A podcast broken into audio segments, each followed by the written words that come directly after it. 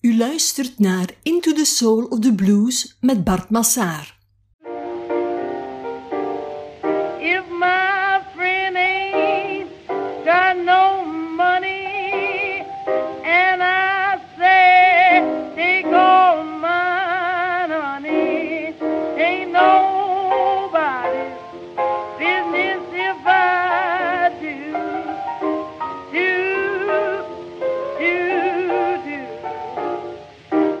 Hey, hallo. Welkom bij een nieuwe aflevering van de podcast Into the Soul of the Blues. Ja, en deze aflevering is een beetje een artist special. Want in het komende uurtje gaat al onze aandacht naar slechts één artieste. Bessie Smith. The Empress of the Blues, de keizerin van de blues.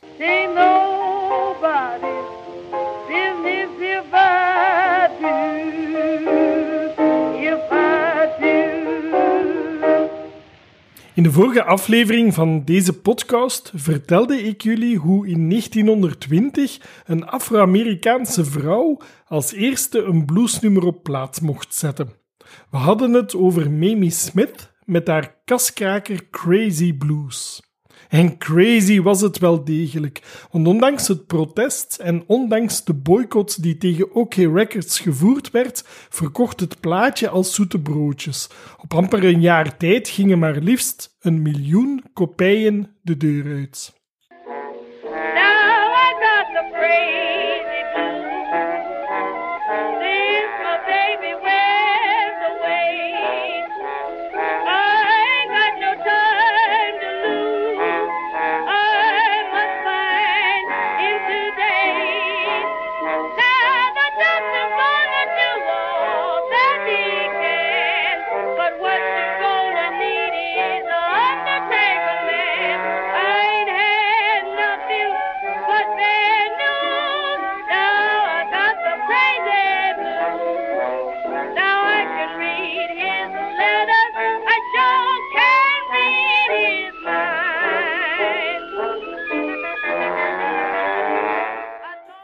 Crazy Blues was een gepolijste versie van de echte blues. Het was als nummer misschien meer gericht op de witte eigenaars van een Victrola platendraaier. En dat was ook nieuw, want tot dat ogenblik kwamen de witte luisteraars niet echt in contact met de muziek van de zwarte, de zogenaamde race music. Men redeneerde immers dat witte mensen geen zwarte muziek konden verteren.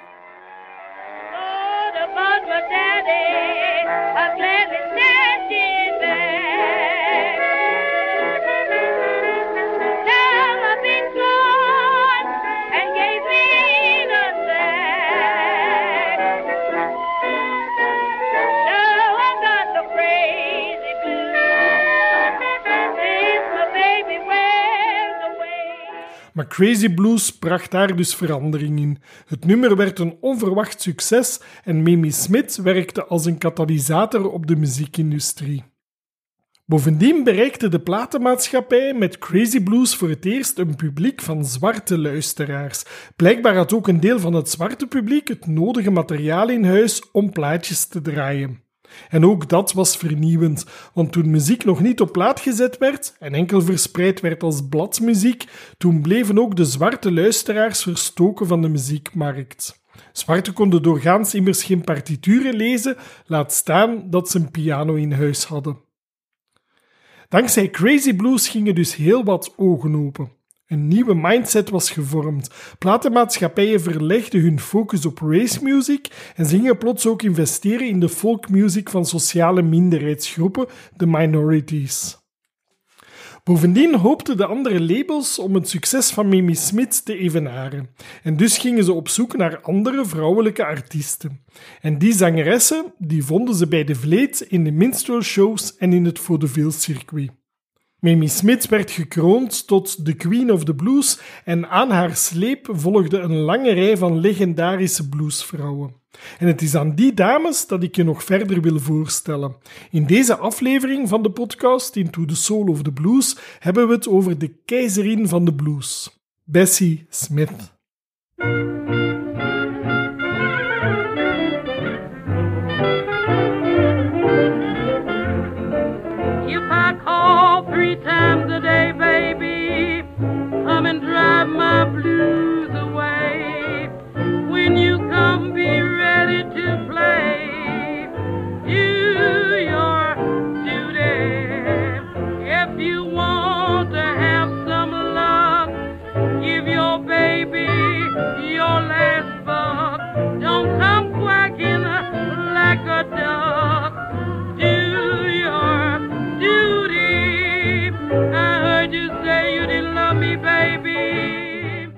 Ja, ook in een vorige aflevering vertelde ik al hoe de blues op het menu van de dag werd geplaatst door de extravagante en flamboyante mother of the blues, Ma Rainey.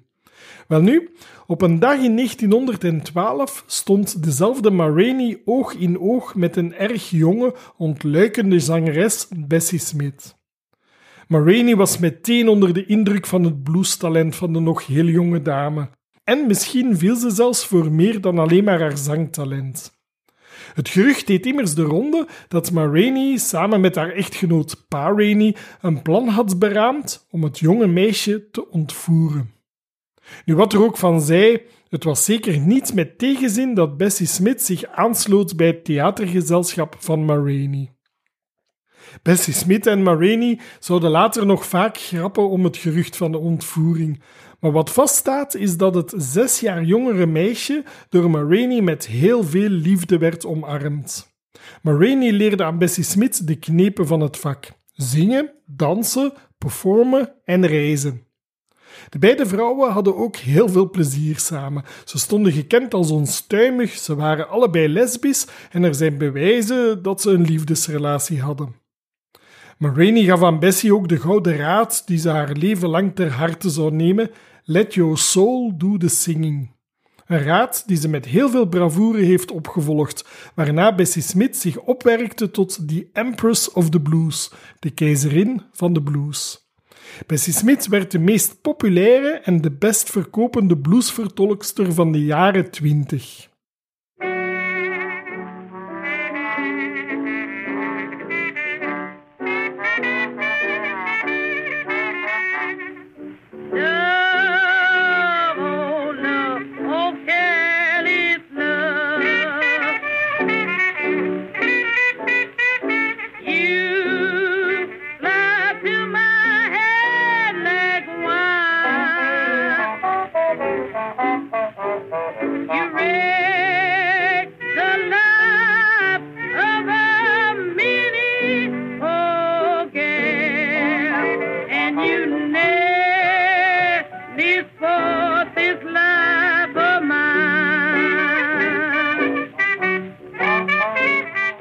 Bessie Smith is geboren op 15 april 1894 in een plaatsje met de schattige naam Chattanooga. Ik heb het zelf moeten opzoeken. Chattanooga is een klein stadje in de staat Tennessee, ergens halverwege tussen Atlanta en Nashville. Het jonge leven van Bessie schrijft als een klassiek bluesverhaal. Ze was een dochter in een gezin met acht kinderen en kort na haar geboorte stierf haar papa. Een van haar broers was trouwens ook al gestorven op jonge leeftijd. Het vaderloos gezin leefde in extreme armoede. Ze woonden in een barak waar meer ratten huisden dan mensen. En toen Bessie Smith acht jaar jong was, stierf ook haar mama en nadien ook nog haar andere broer. Het trauma was immens. En zo was het de oudste zus die voor de overblijvende kinderen moest zorgen. Wanneer Bessie Smith negen jaar jong was, zong ze voor muntjes op de 9th Street van Chattanooga. En haar broer Andrew die begeleidde haar op gitaar. Bessie was groot voor haar leeftijd en ze had een mature stem. En zingen, dat deed ze om te overleven. En die ervaring die heeft haar getekend voor het leven. Bessie heeft trouwens nooit een thuis gekend, ook later niet. Haar huis was on the road.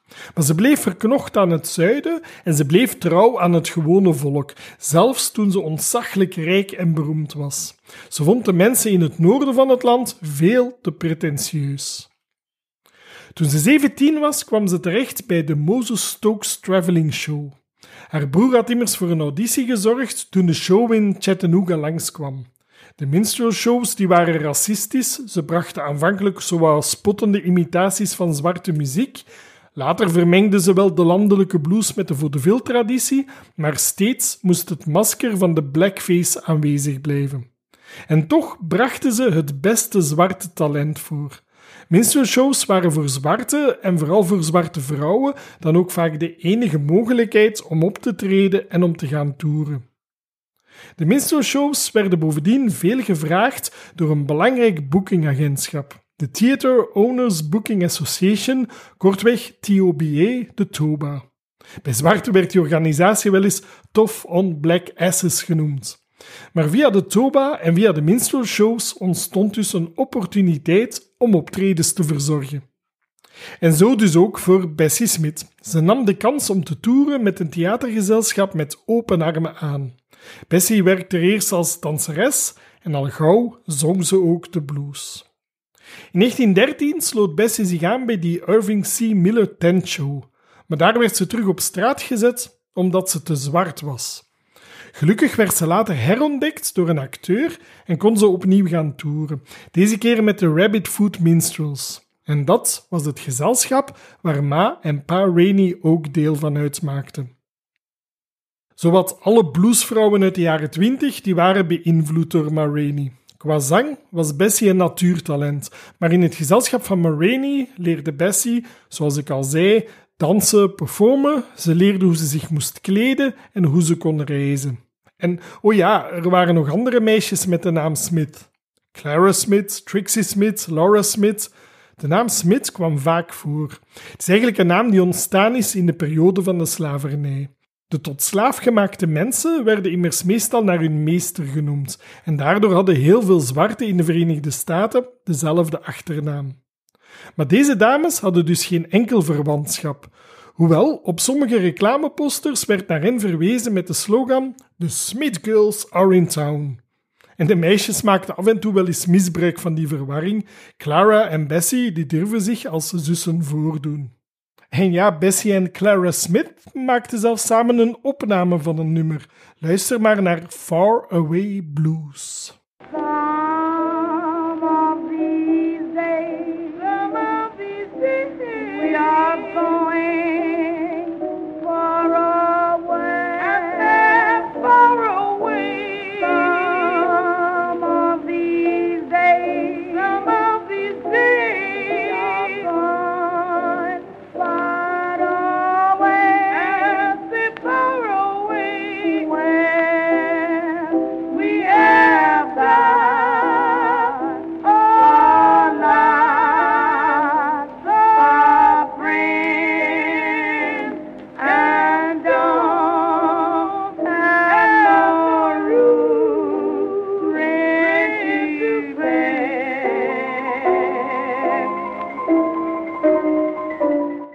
Maar Bessie die trok de meeste aandacht.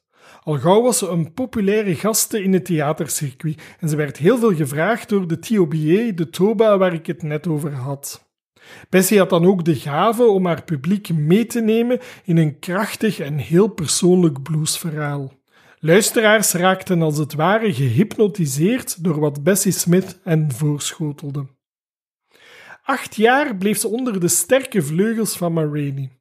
En daarna was ze een gevestigde waarde in het zuiden van de VS en volleerd genoeg om haar eigen tentshow te runnen.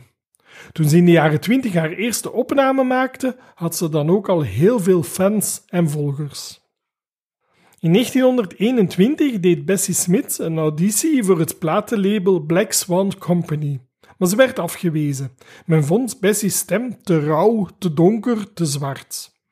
Beetje bizar, want de Black Swan Company die profileerde zich op de markt met de volgende slogan: The only genuine colored record. Others are only passing for colored.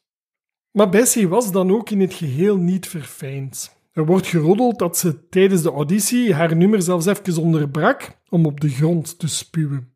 Tot ongenoegen van de platenbaas die het zaakje schorste. Helaas voor hem, want met die weigering miste de Black Swan Company de start van de bluesboom en hebben ze een fortuin mislopen. Het uh, artiestengeduld van Bessie Smith werd dus nog even op de proef gesteld. Maar in 1923 kreeg ze een nieuwe kans met een contract bij Columbia Records. Bessie was heel zenuwachtig op haar eerste opnamedag. Het kostte maar liefst negen pogingen om het nummer Ain't Nobody's Business If I Do in te zingen. En ook Downhearted Blues moest ze twee keer overdoen alvorens iedereen tevreden was. Bessie was een beetje schuw van de konische horen die haar stem opving om het geluid in de plaat te krassen. Maar eens de stem van Bessie Smith op plaat was opgenomen, rinkelde de kassa als nooit tevoren. Van Downhearted Blues Eigenlijk een nummer van Alberta Hunter werd in de versie van Bessie Smith maar liefst 750.000 exemplaren verkocht op zes maanden tijd. En zelfs in het zuiden van de Verenigde Staten wist Bessie Smith het witte publiek te bekoren. In het noorden bleef de witte luisteraar nog een tijdje in het ongewisse van de bluesrevelatie, want daar werd enkel in de zwarte pers reclame gemaakt voor de race records.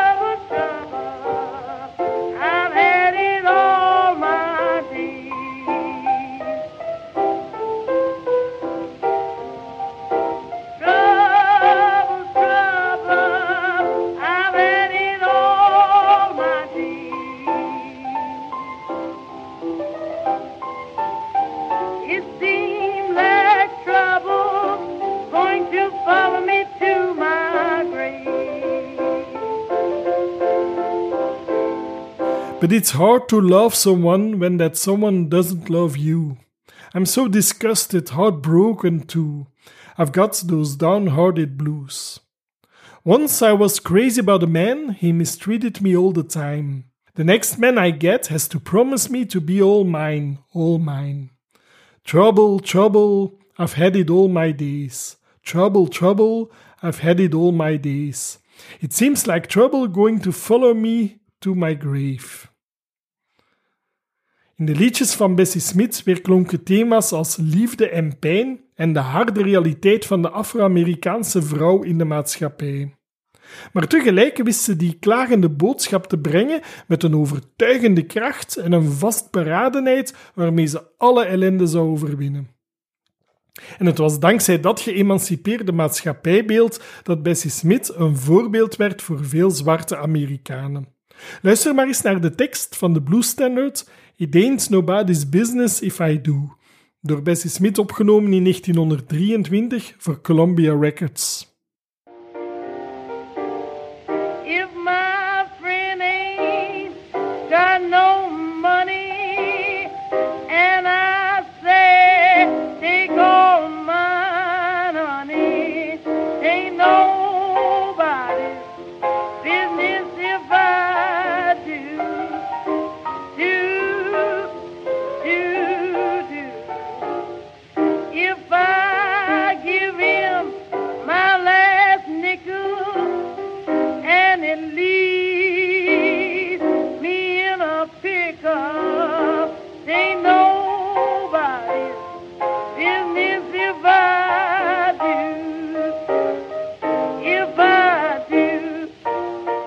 Jaren na haar eerste platen was Bessie Smith meteen op het hoogtepunt van haar populariteit. Zalen waren uitverkocht, mensen drumden in massa om haar optredens bij te wonen.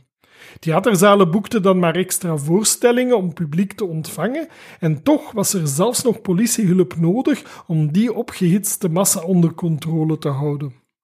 Bessie Smith reisde eindeloos door het land en ze groeide uit tot een ware rockster avant la lettre. En zelf genoot ze intens van de blues die ze zong.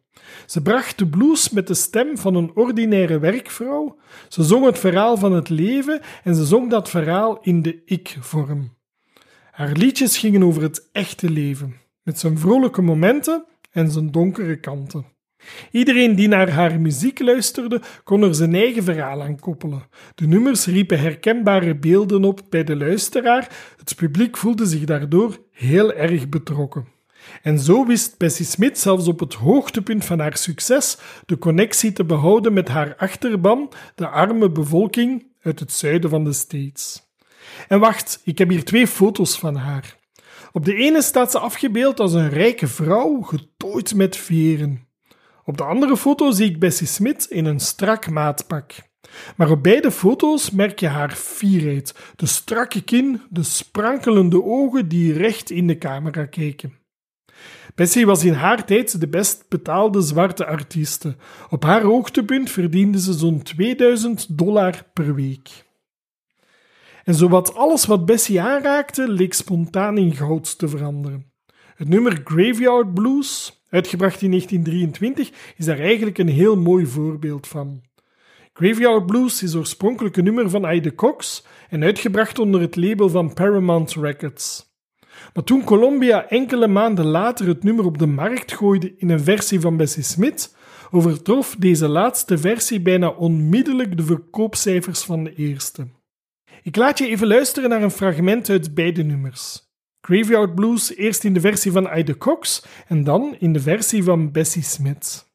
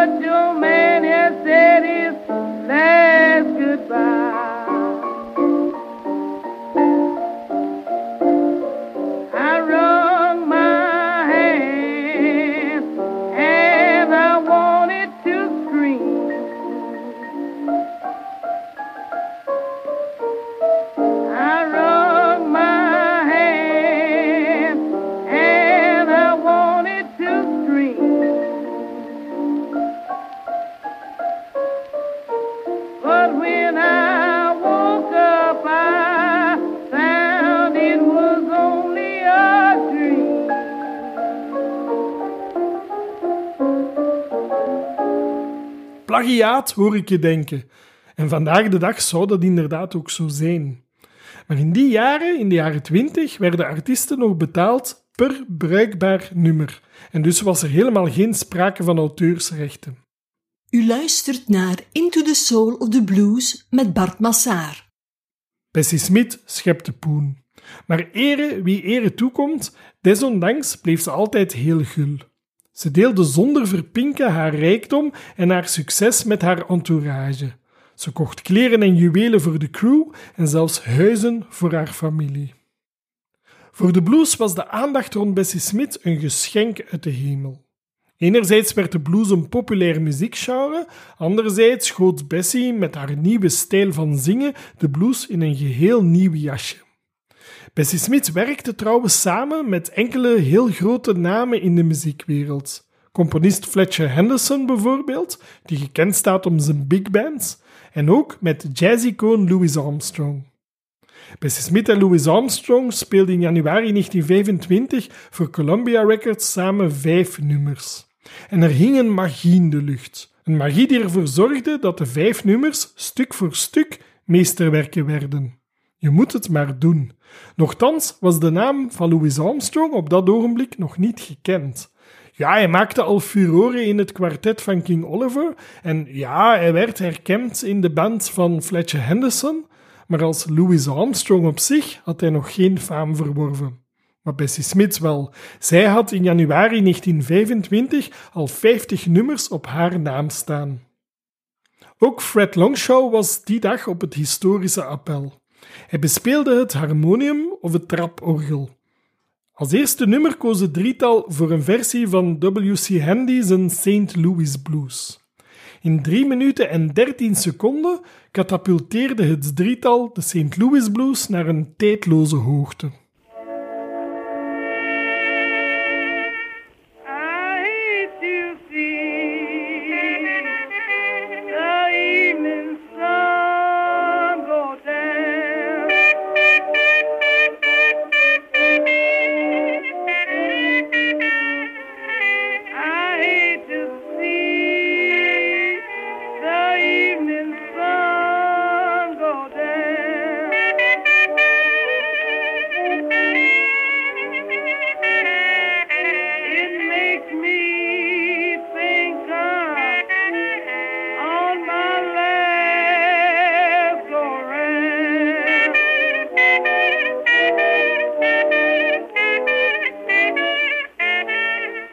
Dan volgde Reckless Blues, Sobbin Hearted Blues, Cold in Hand Blues en het nummer waar ik je nu ga naar laten luisteren, You've Been a Good Old Wagon.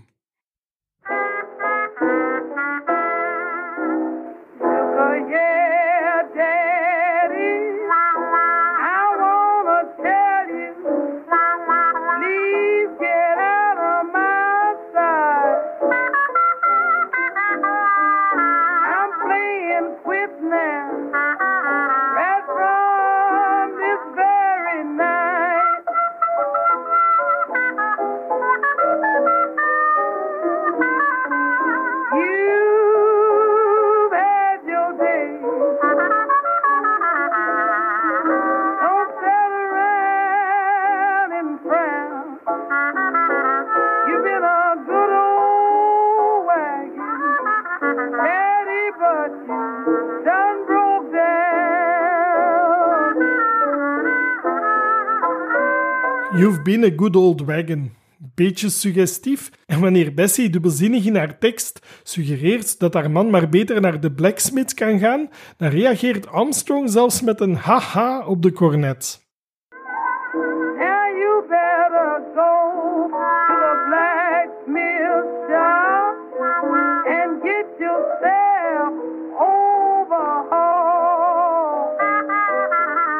En na There's No Need to Cry barst Armstrong schijnbaar uit in een kleine huilbui.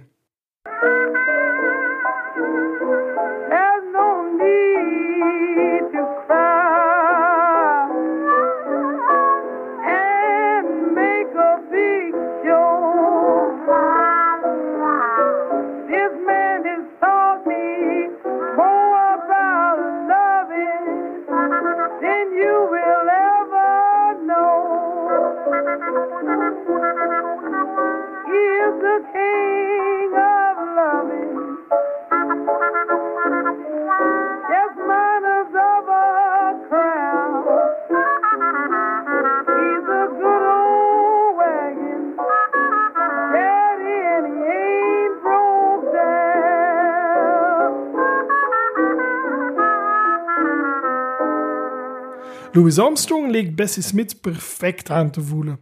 Na de opnamesessie riep hij uit: I like Bessie Smith.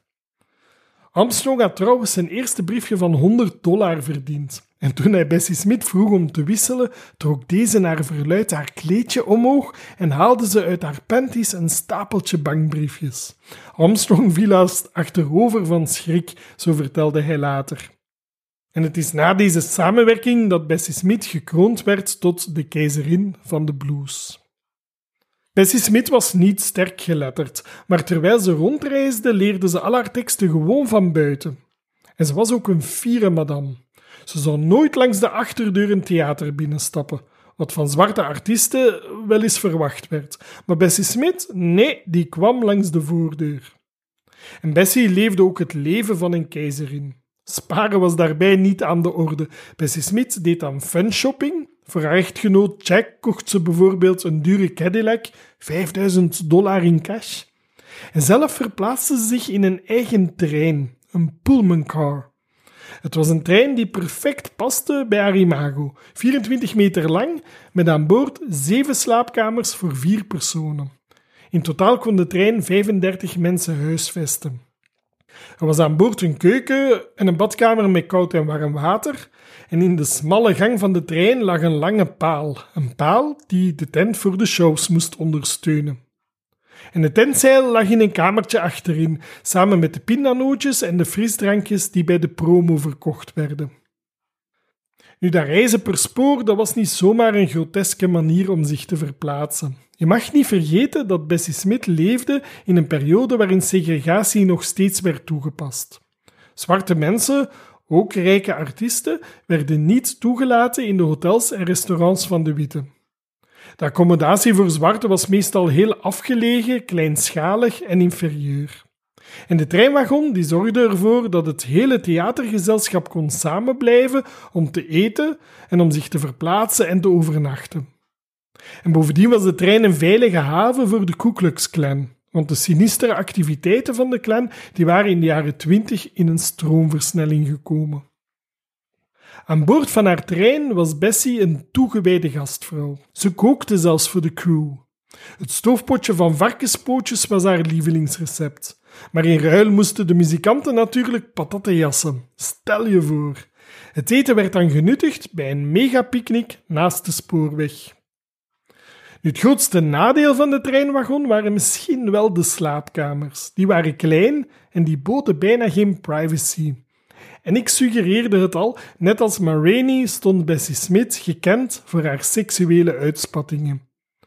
Bessie Smith was rijk en ze kocht alles wat ze wou hebben. Ze kocht zelfs haar minnaars, mannen en vrouwen. In Gimme a Pigfoot and a Bottle of Beer, een nummer uit 1933 en een van de laatste opnames van Bessie Smith, is de keizerin van de blues op haar best. Rauw gezongen, diep grollend en ook sterk op de hoge noten, eist ze een vakkespootje en een fles bier, maar uiteindelijk ook een reefer. Dat is een jointje, terwijl de trompet speels rond haar zang draait.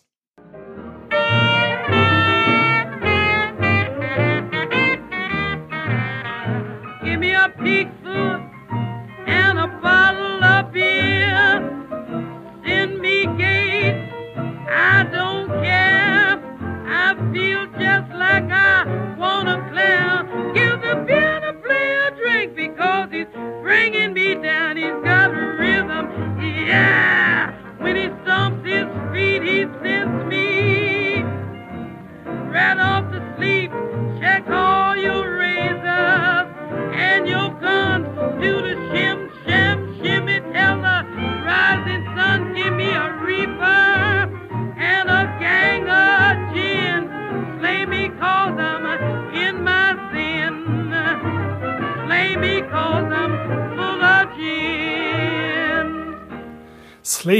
I'm full of gin. Zeg nu zelf. Bessie Smith was een natuurkracht. Maar de ware liefde, die heeft Bessie Smith met al haar geld nooit kunnen kopen. Oh ja, Bessie Smith was gehuwd. Maar dat huwelijk was niet echt wat je een harmonieus succes kon noemen. De eerste man van Bessie Smith die overleed al een jaar na het huwelijk. In 1922 ontmoetten ze Jack Gee. En de avond van hun eerste date die liep meteen fataal af. Misschien had Jack gehoopt om met Bessie Smith te eindigen in zijn appartement, maar dat was niet het geval. De avond eindigde in het ziekenhuis. Jack werd die avond tijdens hun date immers beschoten. Vijf weken lang lag hij in het ziekenhuis, heel kwetsbaar. En net dat moet Bessie Smith gecharmeerd hebben. Ze verzorgde hem en ze bleef bij hem. En intussen groeide Bessie gestaag naar haar succes. Toen Jack uit het ziekenhuis kwam, had Bessie al een afspraak om Downhearted Blues op te nemen.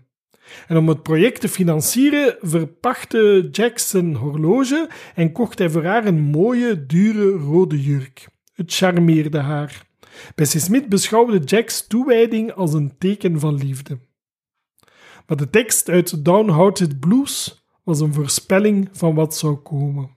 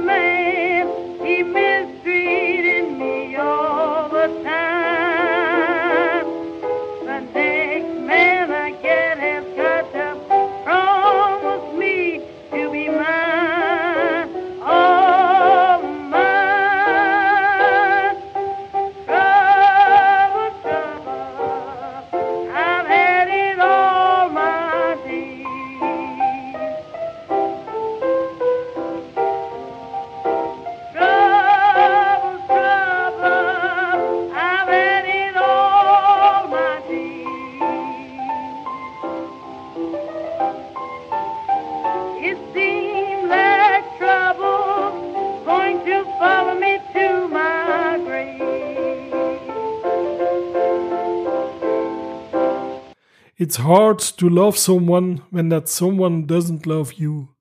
I'm so disgusted, heartbroken too. I've got those downhearted blues. Once I was crazy about a man, he mistreated me all the time. The next man I get has got to promise me to be mine, all mine. Trouble, trouble, I've had it all my days. Trouble, trouble, I've had it all my days. It seems like trouble going to follow me to my grave. Op 7 juni 1923 trouwde Bessie Smith met Jack Gee, maar ze behield wel haar eigen naam. Het liefdesgeluk was helaas slechts van korte duur. Jack was een sterke man die haar sloeg als ze te veel gedronken had. En hij was geobsedeerd door geld. S'avonds laat zat hij het geld te tellen. Haar geld. Oh ja, Jackie kon goed tellen, maar voor de rest had hij eigenlijk geen talenten. Hij verdiende wel zijn eigen kost, hij had een baantje als nachtwaker, maar in zijn verbeelding was hij politieagent. Ooit solliciteerde hij bij de politie van Philadelphia, maar dat draaide op niets uit. Dus deed hij maar alsof. En hij kon goed tellen. En van het moment dat via zijn echtgenote het geld binnenstroomde, gaf hij zijn baantje op. Jackie wou vooral macht over Bessie Smith.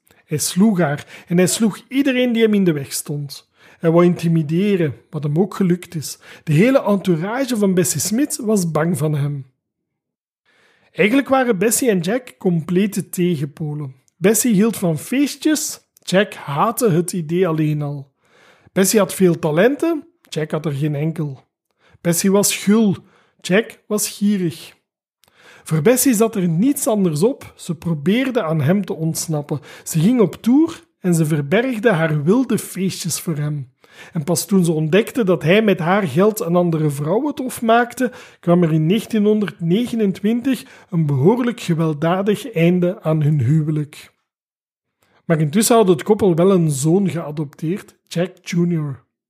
Na de scheiding nam Jack haar zoon met zich mee en Bessie die bleef gewond achter. In Bessie's ogen waren alle mannen dan ook door en door slecht. Mannen waren voor haar enkel creaturen die vrouwen vernietigen en ruïneren. In Send Me to the Electric Chair, een nummer uit 1927, zingt Bessie Smith hoe ze haar man de keel oversnijdt en daarna toch nog blijft lachen bij de moord die ze heeft gepleegd. Judge, judge, hear me judge. I love him so dear. I cut him with my barlow. I kicked him in the side. I stood there laughing on him while he wallowed around and died. Oh, judge, judge, lordy judge, send me to the electric chair. Judge, judge, sweet Mr. Judge, send me to the electric chair.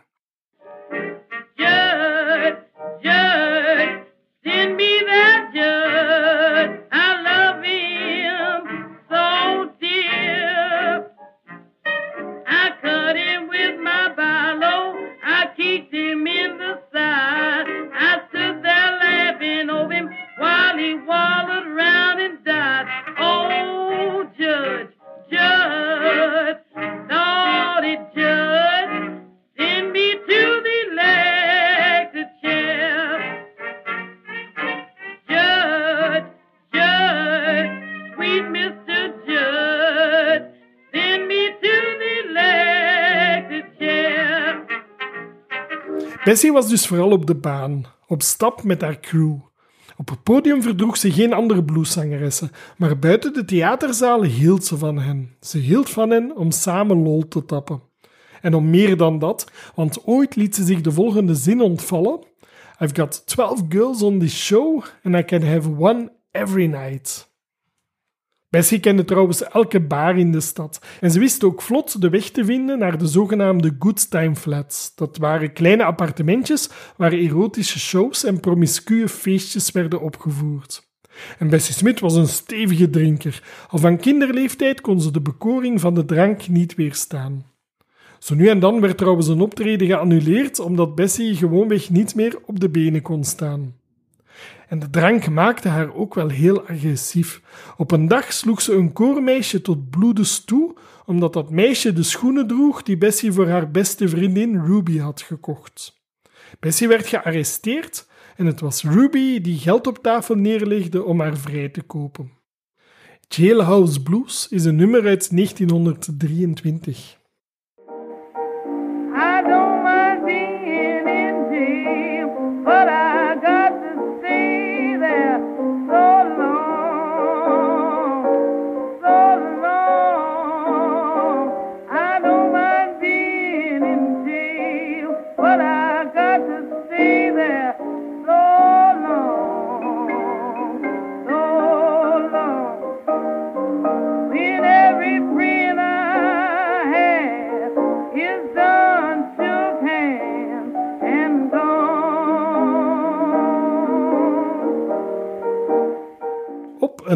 Verbleef het gezelschap dan toch in een hotel. Niet om vredig te slapen, nee, er was een stevig pyjamafeestje gaande.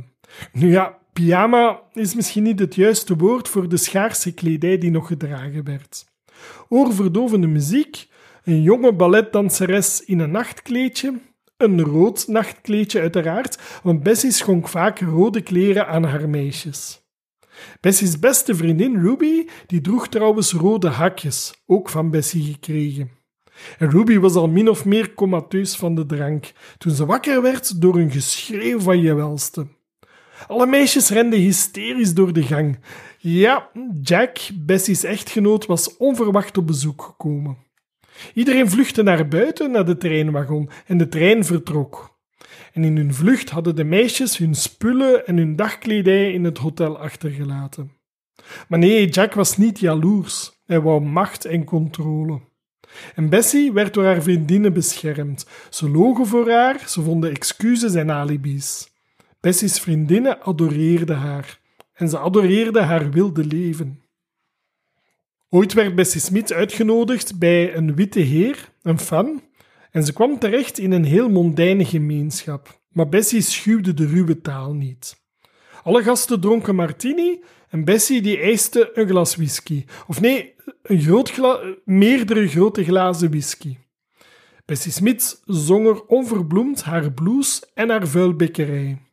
En toen Bessie Smith aan het eind van de avond het pand wou verlaten, kreeg ze van de vrouw des huizes de droge opmerking: You're not going to leave me without kissing me goodbye, are you? Maar toen de dame vooroverboog om Bessie te kussen, reageerde de rauwe blueszangeres op haar eigen manier. Ze sloeg de vrouw met de vuist tegen de grond. Een zwarte zangeres die haar witte gastvrouw neerslaat, dat was ongezien. Maar Bessie Smith tolereerde niet dat witte mensen zich met haar leven bemoeiden. Bessie Smith werd zelf geslagen door haar man, Jack, en Bessie sloeg anderen. Met woorden vechten, dat zat niet in haar aard. En wanneer Bessie wild was, gebruikte ze haar vuisten. In 1923 zong Bessie Smith in St. Louis Gal over het feit dat ze zal vechten met de vrouw die haar man inpikt. St. Louis Gal, I'm going to handle you. Wel, die tekst was voorspellend voor het conflict dat ze zou hebben met Gertrude Sanders, die in 1929 met haar man Jack aan de haal ging.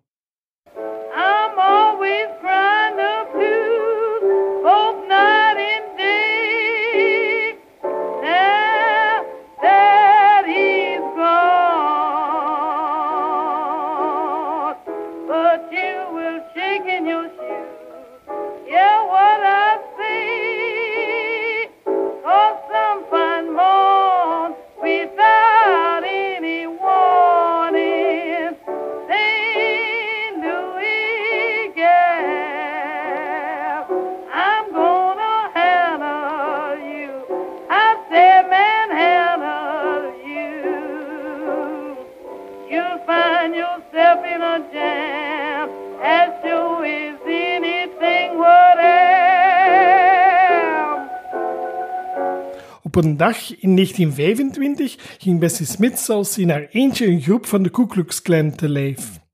Een muzikant had buiten de tent een groepje mannen betrapt, gehuld in het witte kleed van de KKK, klaar om de centrale steunpilaar van de tent onderuit te halen. Bessie komt met een paar mannen de KKK tegemoet, maar haar kompanen zijn bang en die trekken zich terug. Maar Bessie niet. Zij confronteert de Ku en scheldt hen de huid vol, waarna ze op de vlucht slaan. Tot de mannen die haar in de steek lieten, riep ze nog: And for you, you're nothing but a bunch of sissies. Bessie Smith leefde de blues en ze bracht nummers uit die vaak als een voorspellende boemerang op haar en op de maatschappij terugkaatsten. In 1927 zong ze het nummer Backwater Blues, een song waarover ik al vertelde in de aflevering Mississippi Flood Blues van deze podcast. Enkele maanden voordien was Bessie Smith naar Cincinnati gereisd en bij het uitstappen van de trein kwam ze in overstromingsgebied terecht. Bessie moest overstappen in een roeibootje en dat voorval bracht haar de inspiratie bij voor wat intussen een bluesstandard is geworden. Enkele maanden later volgde de grote overstroming in de regio. Backwater blues done caused me to pack my things and go. Backwater blues done caused me to pack my things and go.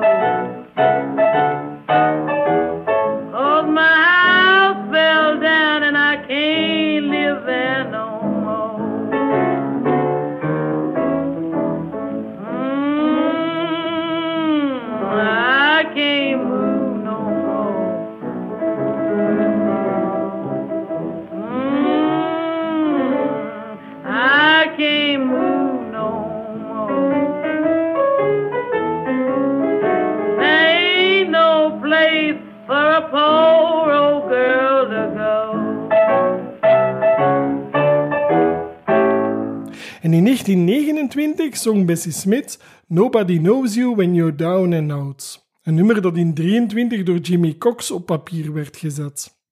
De tekst van het pakkende nummer waarschuwde voor de vergankelijkheid van materiële zaken. En helaas, het geschiedde ook zo. Twee weken voor het uitbrengen van het nummer bereikten de beurzen een ongekend hoogtepunt. Twee weken na de release stortte het systeem van de Amerikaanse beurzen volledig in elkaar. De Wall Street crash was het begin van de Great Depression. Nobody knows you when you're down and out. In my pocket, not one penny, and my friends, I haven't any. But if I ever get on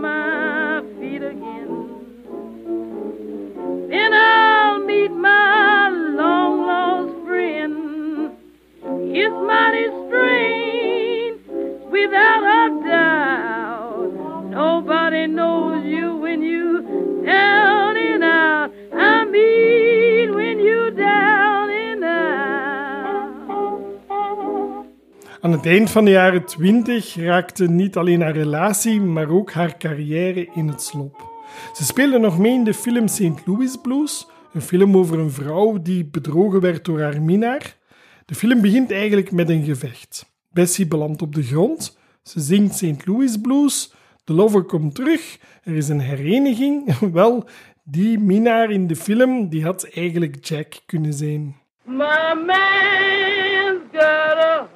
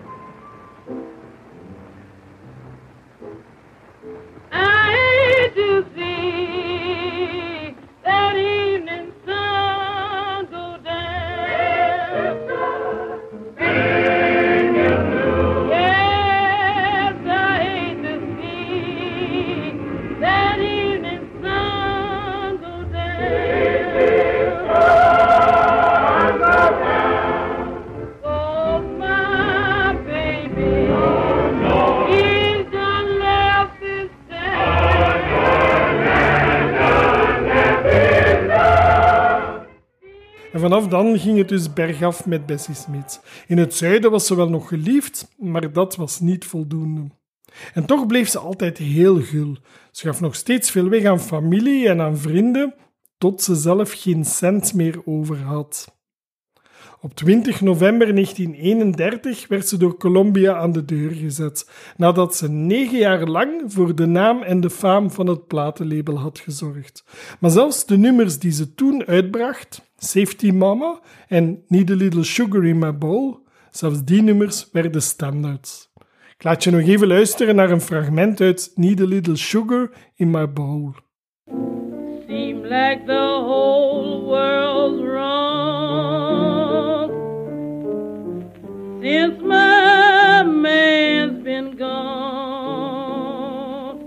I need a little sugar in my bowl. I need a little hot dog on my roll. I can stand a bit of loving oh so bad. I feel so funny. I feel so sad. I need a little steamy on my floor. I need a little sugar in my bowl. I need a little hot dog on my roll. Hmm. Dankzij de financiële steun van een vriend, de bootlegger Richard Morgan, wist Bessie te overleven. Ja, alcohol verkocht goed tijdens de economische depressie, dus Richard had wel nog een spaarcentje over. In 1933 nam Bessie Smith haar laatste songs op. The Great Depression was aangebroken. De film nam het theater over en heel wat artiesten trokken weg naar de andere kant van de oceaan, naar Europa. Maar niet Bessie Smith. Zij bleef ondanks alles trouw aan haar thuisland, trouw aan Amerika. Had a man in Black Mountain, sweetest man in town. Had a man in Black Mountain, the sweetest man in town.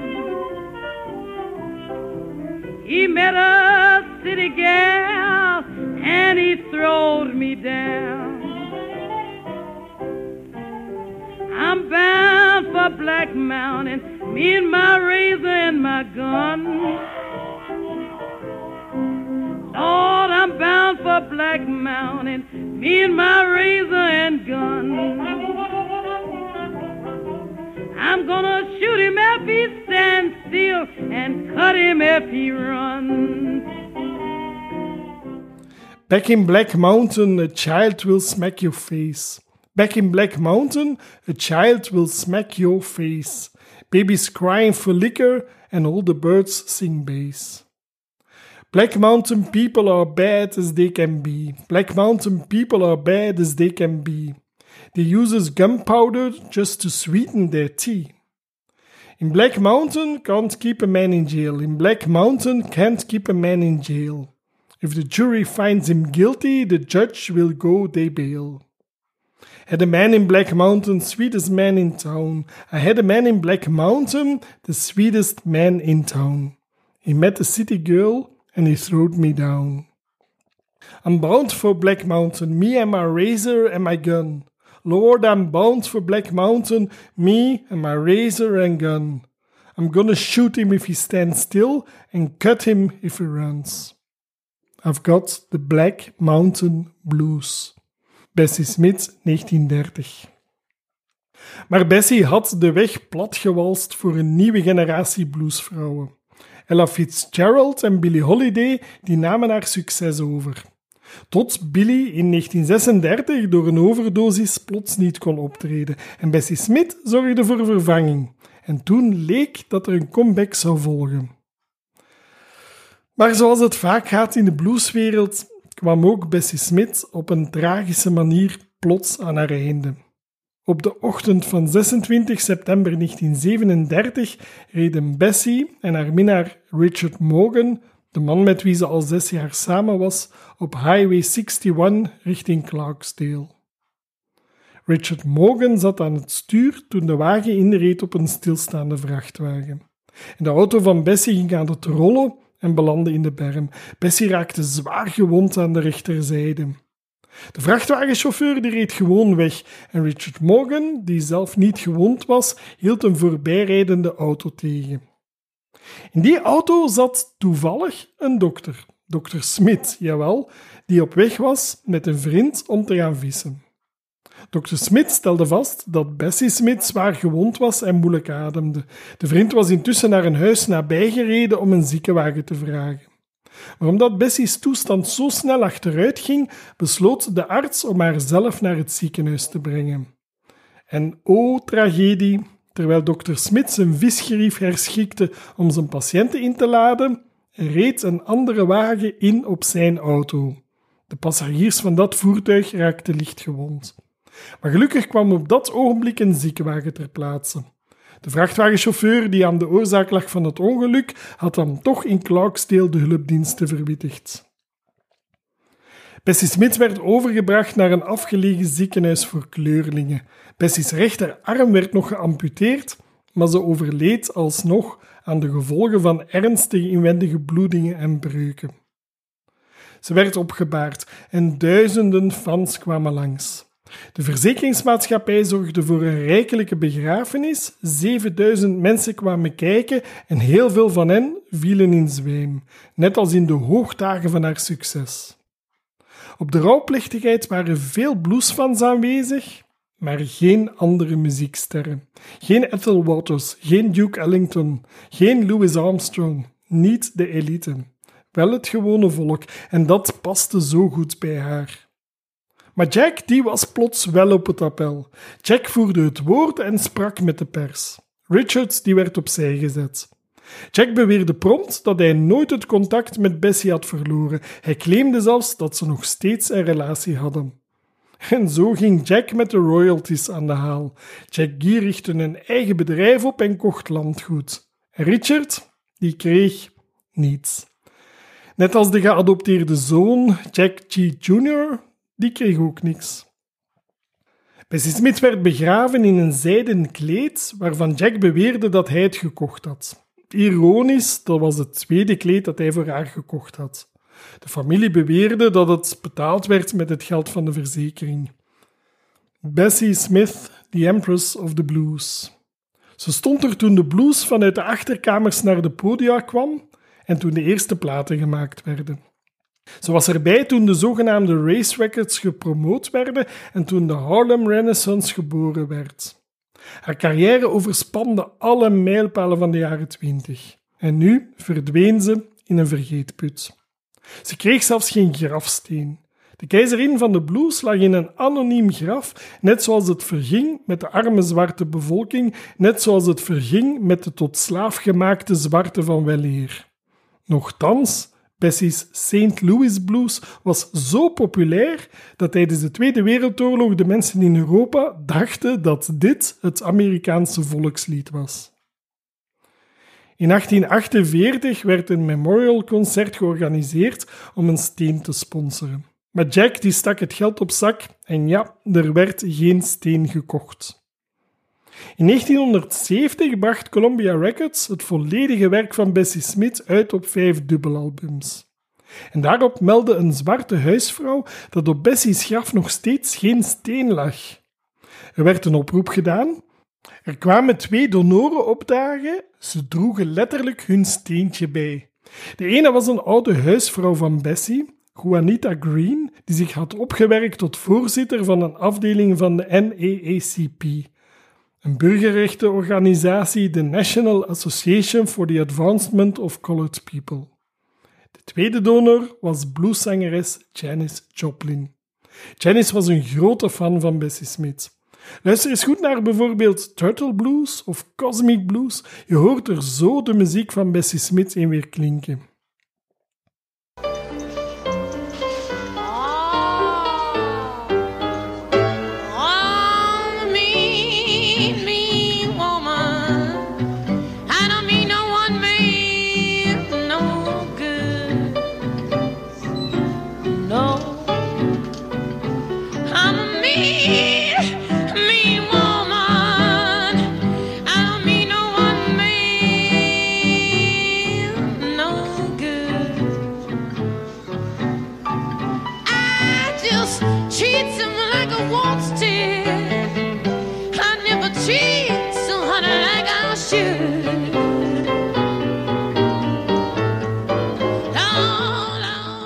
Fragment dat je hoorde komt uit Turtle Blues van Big Brother and the Holding Company met Janis Joplin uit het album Cheap Thrills uit 1968.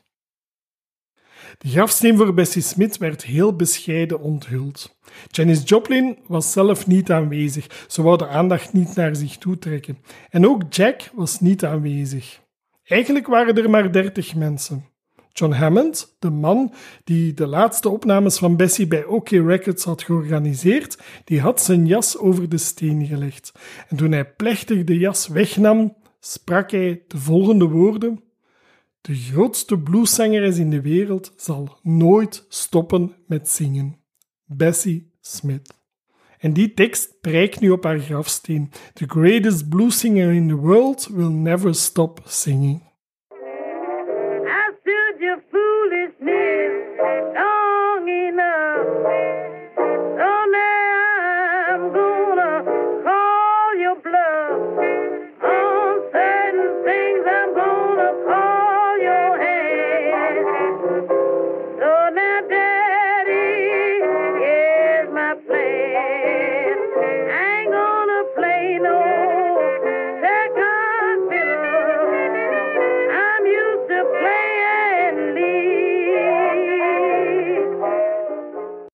Je hoorde nog een fragment uit I Ain't Gonna Play No Second Fiddle. Nee, Bessie zal nooit de tweede viool spelen. Dat is een nummer uit 1925.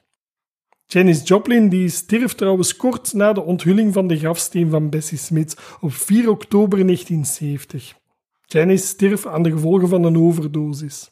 En 4 oktober, dat was uitgerekend ook de dag waarop Bessie Smith in 1937 begraven werd. Show me a hero and I will write you a tragedy. Zo nam ook het bluesverhaal van Bessie Smith mythische proporties aan. Lang werd verteld dat Bessie doodsbloedde omdat ze als zwarte vrouw geen toegang kreeg tot het ziekenhuis.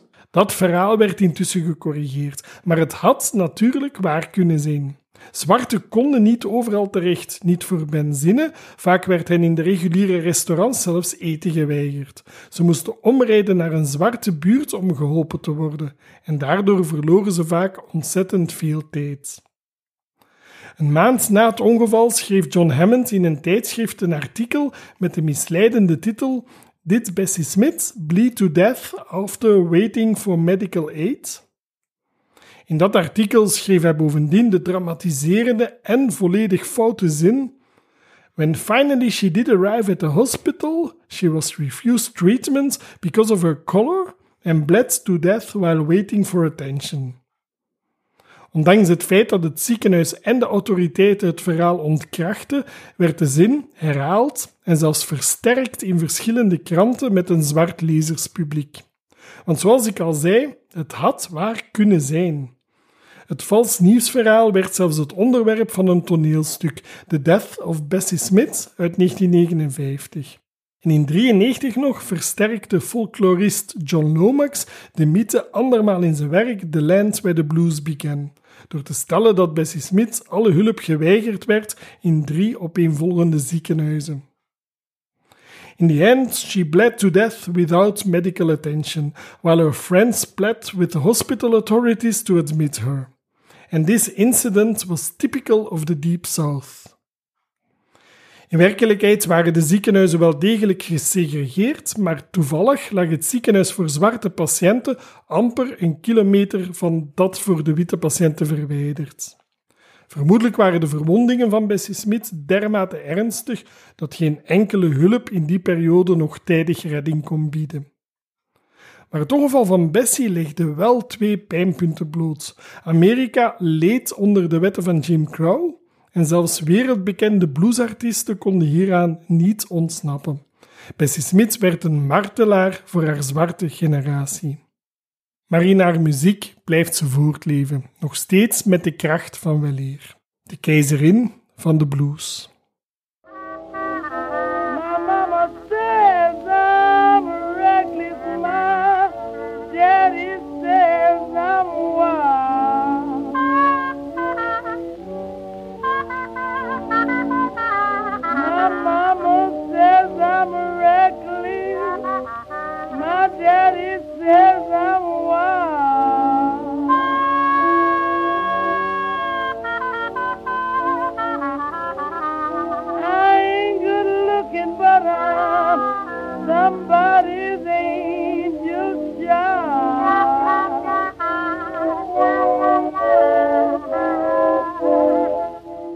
Dat was alweer een nieuwe aflevering van de podcast Into the Soul of the Blues.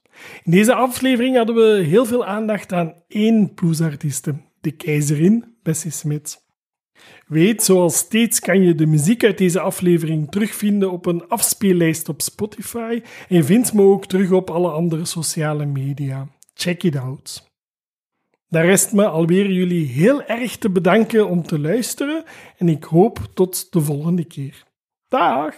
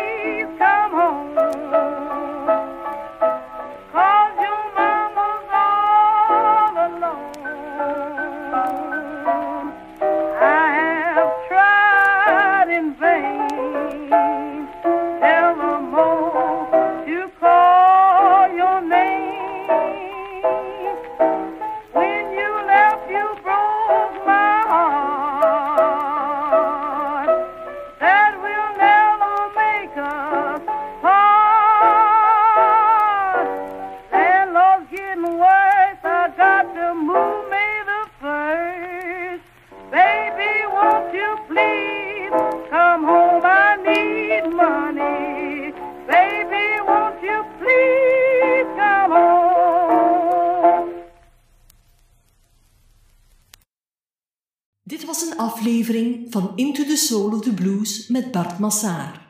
Vond je deze podcast leuk? Heb je suggesties of opmerkingen? Laat dan een gesproken berichtje achter. Ben je nieuwsgierig naar meer? Bezoek dan zeker de website www.souloftheblues.be.